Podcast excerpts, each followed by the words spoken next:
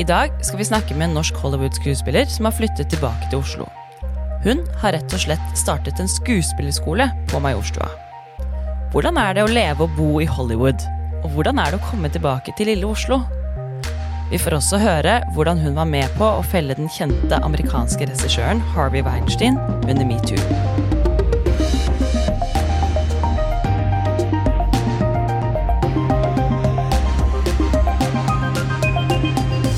Velkommen til Oslopodden, din ukentlige nyhetspodkast fra lokalavisen Vårt Oslo, som er vår arbeidsplass, Vegard. Stemmer. Velkommen. Jeg heter Oda, og sammen så går vi nærmere inn på én nyhetssak fra bybildet den siste uka. Men jeg lurer på, Vegard, hva var den siste Hollywood-filmen du så? Jeg, jeg, tror det er lettere for meg å svare på serie, egentlig. Ja. Eh, den siste serien jeg så, var eh, Ted Lasso, eh, som går på Apple TV. Hva er som det? handler om en eh, amerikansk football coach som kommer til England og skal eh, bli trener for eh, det som de i USA kaller for soccer, altså fotball i England. Ja. Eh, og han kan jo knapt reglene, men han er en veldig motiverende type. Eh, så det handler litt om eh, hva skal jeg si, det å være amerikanere i England. Eh, ganske humoristisk serie som refererer veldig mye til andre filmer og serier. Så Mm. det er en kul serie. Ellers hadde jeg gleda meg til å se Dune før jul. Yeah. Eh, den gikk jo for et par år siden og skulle også gått eh, i år før jul, men så har det jo vært manus- og skuespillerstreik i, i Hollywood eller i USA. sant det. Og er dermed så er den eh, satt uh, forlenga til, uh, til utpå våren en gang, tror jeg kanskje den kommer. Ja, skjønner, skjønner, skjønner. Hva med deg, da? Hva er det du eh, så sist? Jeg tror den siste filmen jeg så, var 'Mordene i Venezia'. Med, jeg vet ikke om det er en Hollywood-film, men det, jeg, jeg, jeg, tror det, det var om Poirot. Uh, og uh, krim, og dratt inn i en litt mer sånn moderne, moderne setting. Jeg syns den var veldig kul. Så den på kino, Mm. på Ringen. Mm. Eh, så det, det Hvor, hvor gammel er du? Over, over 60? ja, det kan man si. jeg vil ikke si at det er en sånn gammel damefilm. Kan ikke du kose deg litt med krim, Vegard? Ja, Poirot tror jeg går litt, går litt sakte. Ja, det er jo en litt uh, mer nymoderne innspilling, da, men jeg kunne godt sett på Poirot på uh, serien, den gamle serien også. Men hva slags forhold er det du har til Hollywood, og Vegard? Nei, ja, jeg ser vel på serier. Jeg, det er jo, leser jo i hva skal jeg si, i, i eh, sladrebladene eventuelt, da. Ja, leser du, det- det leser du sladreblader? Ja, ikke så veldig mye, Nei, men jeg får jo med tenke meg litt herfra og derfra. Ja. Men uh, jeg har ikke vært på noen skuespiller i magen, egentlig. Jeg har aldri drømt om det, men det har kanskje du? Det har jeg. Da jeg var yngre, så hadde jeg veldig lyst til å bli skuespiller. Um, jeg har alltid gått på teater hele barneskolen og ungdomsskolen, og nå etter at jeg flytta til Oslo, så gikk jeg på improkurs på det andre teatret. Men jeg har nok funnet ut at det kan være en hobby for meg, og kanskje ikke en karrierevei. Så Men jeg hadde veldig lyst til det da jeg var yngre. Det syns jeg virka veldig glamorøst og gøy og ja. Nei, For meg så var det litt for skummelt eh, det å prøve, prøve å være en annen person enn meg selv. Sånn at eh, jeg var redd for å dumme meg ut foran andre mennesker. Sånn at eh, det, det var nok litt for dristig. Da bør det jo gå på impro. Da lærer man jo masse om akkurat det der. Grunnen til at vi snakker om det her i dag, det er jo fordi vi skal snakke med eh, Natasha Malte. Som er en Hollywood-skuespiller som har bodd i Hollywood og levd livet der, og nå bor i Norge. Hun har en lang liste med filmer på IMDb. Og nå har hun startet en skuespillerskole på Majorstua. Så vi ønsker jo å høre litt mer om hvordan det er å flytte tilbake til Oslo når du har bodd i Hollywood og Ja, det, og, og vi har, eh, ønsker jo å vise hva byen vår består av. Eh, Det syns vi er litt gøy å, å, å gjøre det. Og, og Natasha har ikke bare kommet tilbake til Norge, men også kommet tilbake til Oslo. Eh, og kanskje lille Majorstua. Eh, Natasha har jo spilt mot store navn i Hollywood. Jobbet med stjerner som David Nutter, som er, eh, har, er, har regissert Game of Thrones, blant annet. Eh, og har eh, også en modellkarriere, tror jeg, bak seg. Vi vil, kan få høre mer om det. Har nå åpnet en skuespillerskole her i byen. Det kan vi komme tilbake til. Men eh, bare for å eh, eh, kanskje si litt om ja, hvilke norske skuespillere har klart å eh, gjøre det stort i Hollywood, da. Eh, nå har vel du lurer på om spilt inn 58 filmer, har jeg klart å lese meg til, eh, Natasha. 62. 62, 62. er eh, visstnok det riktige tallet. Ja. Riktig. Men men da kan vi nevne i fleng Ingrid Bergman, eh, Sonja Hennie, eh, Aksel Hennie. Eller jeg har lurt litt på om de er i slekt. Eh, Det vet jeg ikke. Ja, Norske Hollywood-fruer. Han gikk på skolen min. Han gikk på skolen din, ja. Ikke Aksel verst. Hennie? Ah, gjorde han det? Men, men Lillian Müller er kanskje i aldersklassen over deg. Eh, Playboy-frue som, eh, som var gift med Hugh, eller i hvert fall sammen med Hugh Hefner. Eh, Kristoffer Hivju, for øvrig også fra Game of Thrones. Mm. Uh, Renate Reinsve fra Verdens verste menneske. Jeg veit jeg har flere interessante prosjekter, bl.a. noen grøsserprosjekter og forskjellig, på gang i Hollywood nå. Så det er, du er i celebert selskap der. Uh, så eh, nå vil vi gjerne høre litt fra deg, Natasha. Hvordan har det vært å bo i Hollywood? Um, når jeg først dro til Hollywood, så Så uh, var det til å prøve meg på pilotsesongen.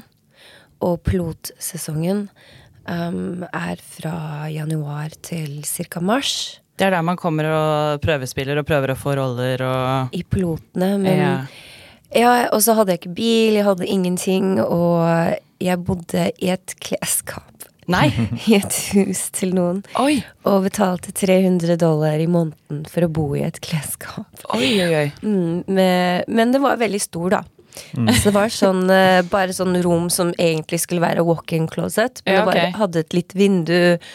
Og eh, jeg, jeg, jeg hadde sånn luftmadrass. Mm. Så jeg var ikke så veldig kresen når jeg var 22. Nei. Så, Det høres luksuriøst ut i forhold til Harry Potter som måtte bo under en trapp. Men sånn er det altså å etablere seg i Hollywood. Da må man først eh, flytte inn i et eh, klesskap eller et walk-in closet hos noen. ja. Og spare på pengene. Mm. Men eh, jeg hadde veldig mange auditioner, sånn ca. tre om dagen. Og da hadde jeg en kompis som vi satt i klesskapet, da. Og eh, pugget eh, dialog kanskje til to om natten hver dag. Ja. Og så gikk jeg på sånne auditioner og sånn. Og den første auditionen jeg hadde, var med David Nutter. Okay. Som sa han, han sa 'du må bli skuespiller', liksom. Ja.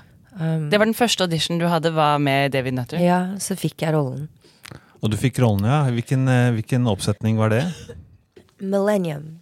Ja. Millennium, det, det var showet til Chris Carter etter X-Files. Så det var hans show etter X-Files. Ok. Hvordan var det, da? Å være på sett for første gang oh, i. Hollywood og Jeg, det, jeg husker det veldig godt. Jeg var veldig Det var mye lettere å spille um, uten kameraer. Mm. Og så kom kameraene på, og så plutselig så bare frøys jeg litt. Men jeg bare måtte bare gå gjennom det. Men det, det føltes Jeg husker at det føltes veldig awkward ut, da. Mm. Jeg var ikke vant til at kameraet gikk rundt og rundt og rundt um, meg og scenepartneren. Nei. Han som spilte mot meg. Men det gikk jo veldig bra. Og um, Og uh, jeg fikk uh, et innsikt at det gikk an å leve av dette her. Det å komme fra Norge og liksom ha en karriere i Hollywood og tenke på den måten, det tok sin tid før jeg kunne venne meg til det. Um, og så jeg var modell for å ha nok råd til å bo der i mange år. Og det var ikke før 2001 hvor jeg tenkte ok, hvis jeg skal virkelig klare meg som skuespiller, så må jeg legge uh, det å, å, å liksom lene meg som uh, penger som jeg fikk fra den modellkarrieren jeg hadde. Ja. Uh, jeg måtte liksom bare si nei til det, og tørre å bare hoppe ut. Full sats. Ja. Gå all in, Ja, rett og slett. all in, og det, det var da jeg gjorde det, og det var da jeg begynte å booke ordentlige jobber. Jeg må faktisk innrømme at jeg også har en skummel fortid som skuespiller. Jeg har vært eh, statist i filmen eh, Hamsun av eh, regissør Jan Troell. Det var to dritkjedelige dager hvor vi stort sett ikke gjorde noe annet enn å drikke kaffe og snakke tull med hverandre på bakrommet. Eh, men vi var pent eh, pynta i, eh, i soldatuniformer, og så ble vi satt på noen lastebil og skulle kjøre ut i krigen. Og så skulle vi synge 'Ja, vi elsker', som jeg syns var litt nasjonalistisk. Sånn at jeg foreslo at vi heller kunne synge eh, 'Mot i brystet', som viser seg å være ganske nasjonalistisk det også når man kommer litt nedover i teksten. Så det var ikke så veldig mye bedre. Men der skulle vi litt sånn se litt triste og molefonkne ut på veien ut i krigen, da. Ja, ja, ja. Så det var en morsom erfaring. Da er det bare å gå inn og se Hamsun alle sammen, og se etter Vegard som statist. Ja, det er en, det er en klassiker av Jan Troell. Mm. Men, Men, man lærer veldig mye av det. Jeg har også vært statist. Ja. Kan du si litt om hvordan det er å bo i Hollywood? Går det an å si noe om det? Um, det jeg liker med Hollywood, er at uh, man må lære å bare go with the flow. Okay. Det, er veldig, det er veldig uberegnelig der. Og det er veldig mye som skjer. Man kjeder seg aldri. Man treffer nye folk hele tiden. Men man må være veldig selvstendig. Ekstremt selvstendig for å klare seg der. Fordi det er ingen som Du har ikke noe Nav, du har ikke noe eh, noen som skal holde hånden din. Du mm. må overleve på egen hånd, og det å overleve som en nordmann i Hollywood eh, var ekstremt vanskelig, fordi de hadde ikke jobbtillatelse. Um, noen ganger så hadde jeg visum, men når du får visum, så får du bare jobbet på det, det visumet, og det var modellvisum på førsten. Mm. Og så var det O1-visa. Jeg hadde tre sånne som var Hva er O1? O1 er uh, Hvis du får en O1, så er det fordi du får en jobb i et yrke, og det var skuespill. Og da kan man ikke ha en sidejobb. Nei, ikke sant. Så da, da, ble det slik at jeg måtte ta hva som helst som jeg fikk. Det kunne vært en McDonald's reklamefilm til en replikk til mm. et ord mm. på et eller annet. Uh, for å overleve og betale husleie 300 dollar i klesskapet. Ja. Mm. Hvor lenge bodde du i det klesskapet? Um, et år. Ja. Et år. Det er ganske lenge. Mm. mm. Jeg lurer også litt på hvordan er det å treffe Hollywood-stjerner? Er det enorme klasseforskjeller og mye arroganse og vanskelig å komme innpå folk? Eh, hvordan er det? Um, stort sett så tror jeg at det er litt sånn illusjon at de er så veldig annerledes enn oss. Um, jeg traff jo ganske mange stjerner der med en gang. Um, den første Hollywood-festen som jeg var på, Um, så traff jeg Meg Ryan, Oliver Stone Bare Matt Dillon Bare alle sammen, liksom. Fordi mm. jeg var daten til Mark Wahlberg. Han spurte meg på date. Uh, date hvem, sa du? Mark? Mark Wahlberg. Okay, ja. Og da ba han meg ut, ja. og jeg visste ikke hvor jeg skulle. Og så, og så var det Det var veldig sånn sjokk mm. til systemet mitt, mm. må jeg si. Og følte meg veldig styrret på. Ja. Det var veldig sånn Hvem er hun jenten her? Ja. Det var veldig mange Jeg vet ikke om det var så veldig vennlig, akkurat. Jeg, jeg følte meg veldig uh, litt litt sånn uvelkommen, på en måte. Ok, Som en eh, outsider på en måte, mm, som ikke hadde vært en del av det miljøet tidligere? Ja, ja. ja. Jeg følte meg veldig Det var skikkelig ubehagelig. Og jeg visste ikke hvordan å oppføre meg. Nei. Fordi jeg var så Jeg vet ikke. Jeg, var som en, jeg følte meg som en alien, liksom. Mm. Og jeg tror Mark hadde skrevet om det i en intervju en gang. Og jeg, jeg traff en jente, og hun er, ikke, hun er, ikke, en del av Hollywood, men jeg tok henne til en fest. Mm. Og det var så flaut, for de visste ikke hvordan hun skulle oppføre seg. Så oh. han hadde faktisk skrevet, eller sagt mm. det i et intervju, så leser jeg det etterpå bare mm. oi. Okay. Men ble du en del av det miljøet etter hvert, da? Jeg, jeg var mer sånn outsider som observerte det miljøet. Men jeg følte ikke noe fellesskap, på en måte. Eh, det tok meg ganske lang tid til å finne de riktige menneskene der. Jeg tror det var syv år hvor uh, jeg endelig fikk noen ordentlige venner som jeg kunne kalt familie, Hollywood-familien min. Ja. Mm. og de, de, var forfattere, og en var uh, en astrolog og liksom, ja, ja, mye forskjellige ja, folk. Mange forskjellige folk. En mm. var en sånn um, biochemist. Mm. Sånn. Så det var, det var, ikke skuespillere som jeg egentlig klikka med. Det var, uh, det var bare en kollektiv av forskjellige typer. Gå litt videre. I 2017-2018 så var det et metoo-oppgjør i, uh, i Hollywood. Du var jo vitne i rettssak mot Harvey Weinstein. Og på grunn av din vitnesbyrd så vant dere rettssaken. Ja, fordi de hadde sånn narrativ. Og eh, de burde ha hatt meg først, som førstevitne. Fordi jeg visste at den narrativen var så klisjé. Og så gammel, sånn alt er kvinnens skyld. og eh, og eh, det er liksom en taktikk menn bruker. Um, de snur det på damen, liksom. Å ja, hun vil ha en rolle, bla, bla, bla. Mens det er, det er alltid produseren eller eh, ja, en eller annen mektig person som bruker makten mot kvinnen Mm. og setter dem i et hjørne. Og, eh, og så flipper de på kvinnen. Det er jo veldig gaslight-opplegg. Og da klarte jeg å, å eh, snu den narrativen tilbake på meg. Um, jeg husker ikke helt hva jeg sa, men jeg hadde ganske en veldig fin støtte fra Norge. En uh, jente som heter Marie Menegawa. Og um, hun hjalp meg å holde på denne narrativen eh, sammen med meg. Eh, fordi jeg visste at det var det som skulle til. Fordi det var faktisk en løgn. Um, men på grunn av at jeg klarte å articulate akkurat det, um, så gikk det veldig bra, altså. Og uh, klarte å snu den narrativen. Og den, den Jane Doe som jeg var vitne for, fordi alle fikk en sånn mønstervitne, Mm. så, så vant hennes sak i retten. Um, og jeg ble ikke fort vippet over uh, av han Av han advokaten til Harvey. Men eh, det var også ganske vanskelig, fordi Bare la meg legge til at Harvey Weinstein er, var og er selvsagt en av verdens mest kjente regissører.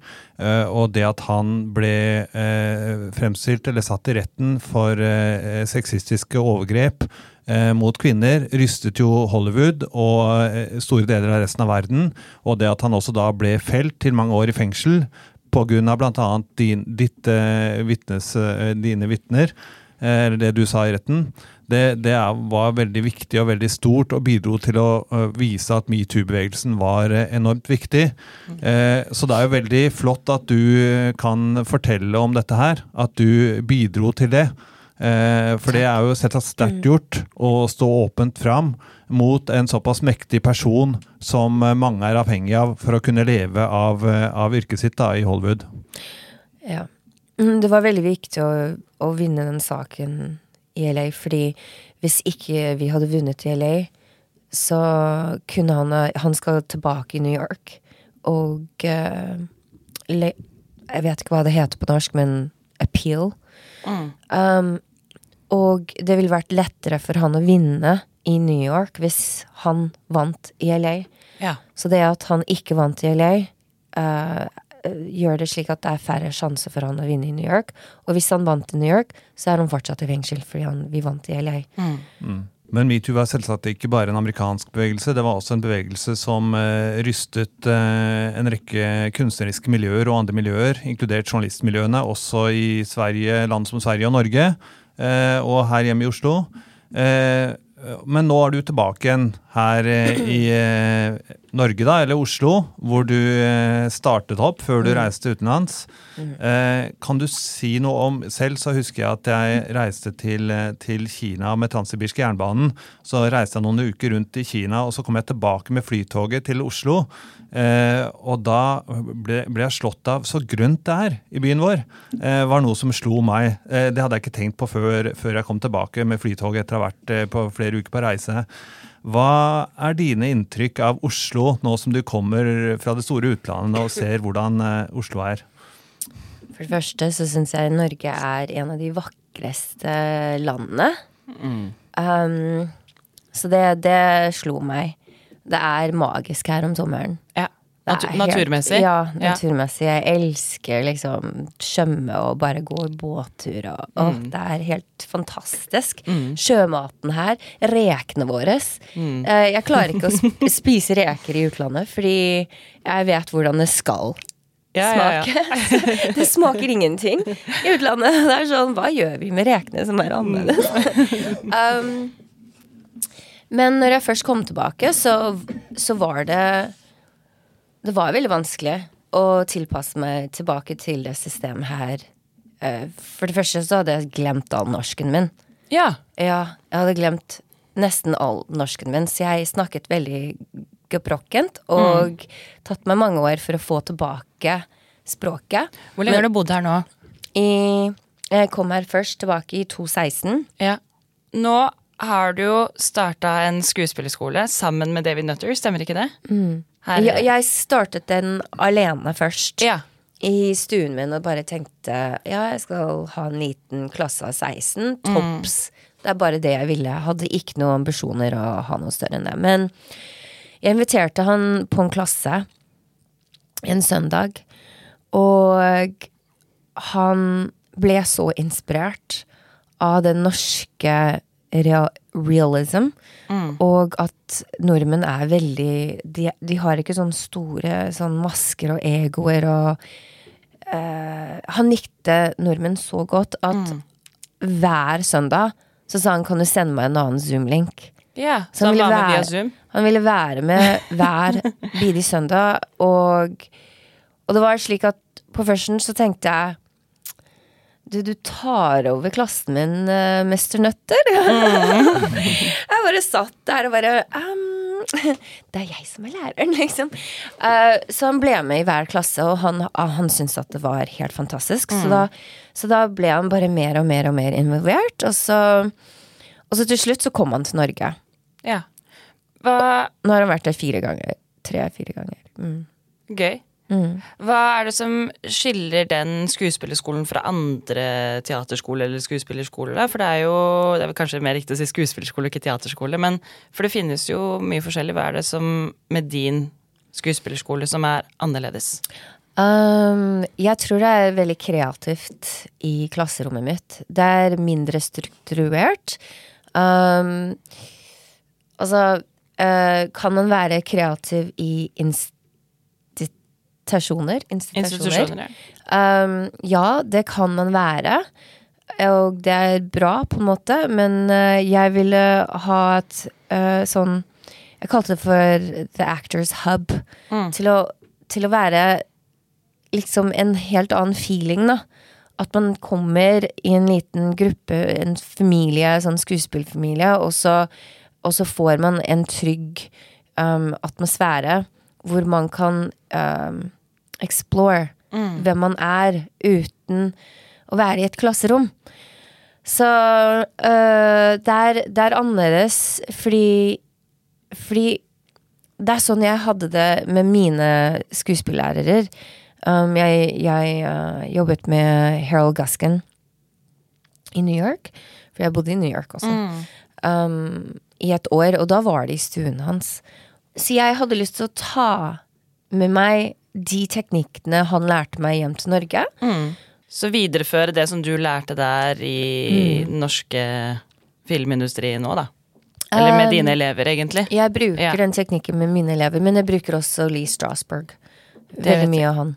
Og Ok. litt Meisner. Ja. Så jeg har jo lært veldig mange forskjellige teknikker. Jeg har vært i Ivane Shubbucks klasse i LA uh, en liten stund. Um, men jeg har også vært i liksom Jeg tror jeg har hatt rundt tolv forskjellige uh, lærere Ja, ja, ja. i LA i mange, mange år, og da heter det angående klasser. Og det er slik at selv om man har en bachelorgrad eh, fra en skole, så trenger du et sted å utøve deg hele tiden. Så jeg hadde lyst til å skape det for skuespillerne i Norge, hvor de har et lite sted, og så kommer de og øver seg hver uke, eller nå er det to ganger i uken.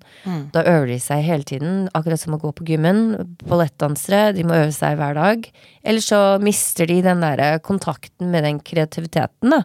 Ja. Så jeg, det vil jeg skape, og så er det mer basert på film og TV. eh, skuespill enn teater. Ja. Så det er veldig mange teaterskuespillere i klassen min, og så prøver jeg å få den teater overdri... Litt sånn når du er i teater, så må du overdrive litt, grann, du må eh, project utover. Ja. Og da, da prøver jeg liksom fikse det, liksom. Og det var det Harold Gaskin gjorde til veldig mange teaterskuespillere i New York. Blant annet Kevin Klein. Han klarte ikke å få filmroller, fordi han var veldig flink teaterskuespiller, men han klarte ikke å få filmroller, og da var Harold Gaskin en ekspert på å få teater på film. Men å fikse de der problemene, da, som man kan som, som gjør det slik at det å være fantastisk teaterskuespiller kanskje ikke er det de trenger på film. Nei, det er jo to forskjellige ting. Ja. Ja. Ikke verst å kunne bli instruert av eh, to store Hollywood-navn på en eh, skuespillerskole her i, i Oslo, på Majorstua i Oslo. Eh, Du har jo eh, også hatt litt kontakt med skuespillermiljøet i Oslo. Hvordan var det? Uh, altså det å få kontakt med skuespillmiljøet i Oslo syns jeg er litt vanskelig, faktisk. Det er et veldig lukket miljø. Så jeg forstår ikke helt hvordan det funker her i Norge ennå. Det, det er veldig vanskelig å venne meg til skuespillmiljøet og hvordan det funker her i Norge. Spesielt audition-stilen og komme seg inn i det og sånn. Så det er litt sånn Jeg vet ikke. Jeg, jeg, jeg føler at uh, LA var mye mer åpent. Det er sånn «Åh, der er det en ny person! Hun skal vi ha! Liksom. Så det var mye lettere å få auditioner i USA. Pluss så har du agencies. Og da, da er det de som skaffer deg auditioner. Her Ja, må skuespillerne mm. skaffe auditioner selv, og det syns jeg er veldig ubehagelig og veldig um, vanskelig å venne seg til. Fordi det å selge seg selv og være artist, det klasjer litt i hodet mitt, og jeg er ikke vant til det. Nei. Kanskje hvis jeg hadde begynt å være skuespill her i Norge først, så ville det vært et helt annet historie. Men det å venne seg på mitt alder tilbake, det er, det er, det, det er en utfordring. Ja, ja. To uh, ulike kulturer der. Mm. Tusen takk for at du kom til oss, Natasha Malte. Vær så god. Og takk for at dere har invitert meg. Det var veldig hyggelig å treffe dere. Likeså. Takk skal du ha. Oslopodden er tilbake med en ny episode neste torsdag. Og hvis du vil bli oppdatert når en ny episode er ute, så må du gjerne abonnere på oss i podkast-appen. Vi snakkes!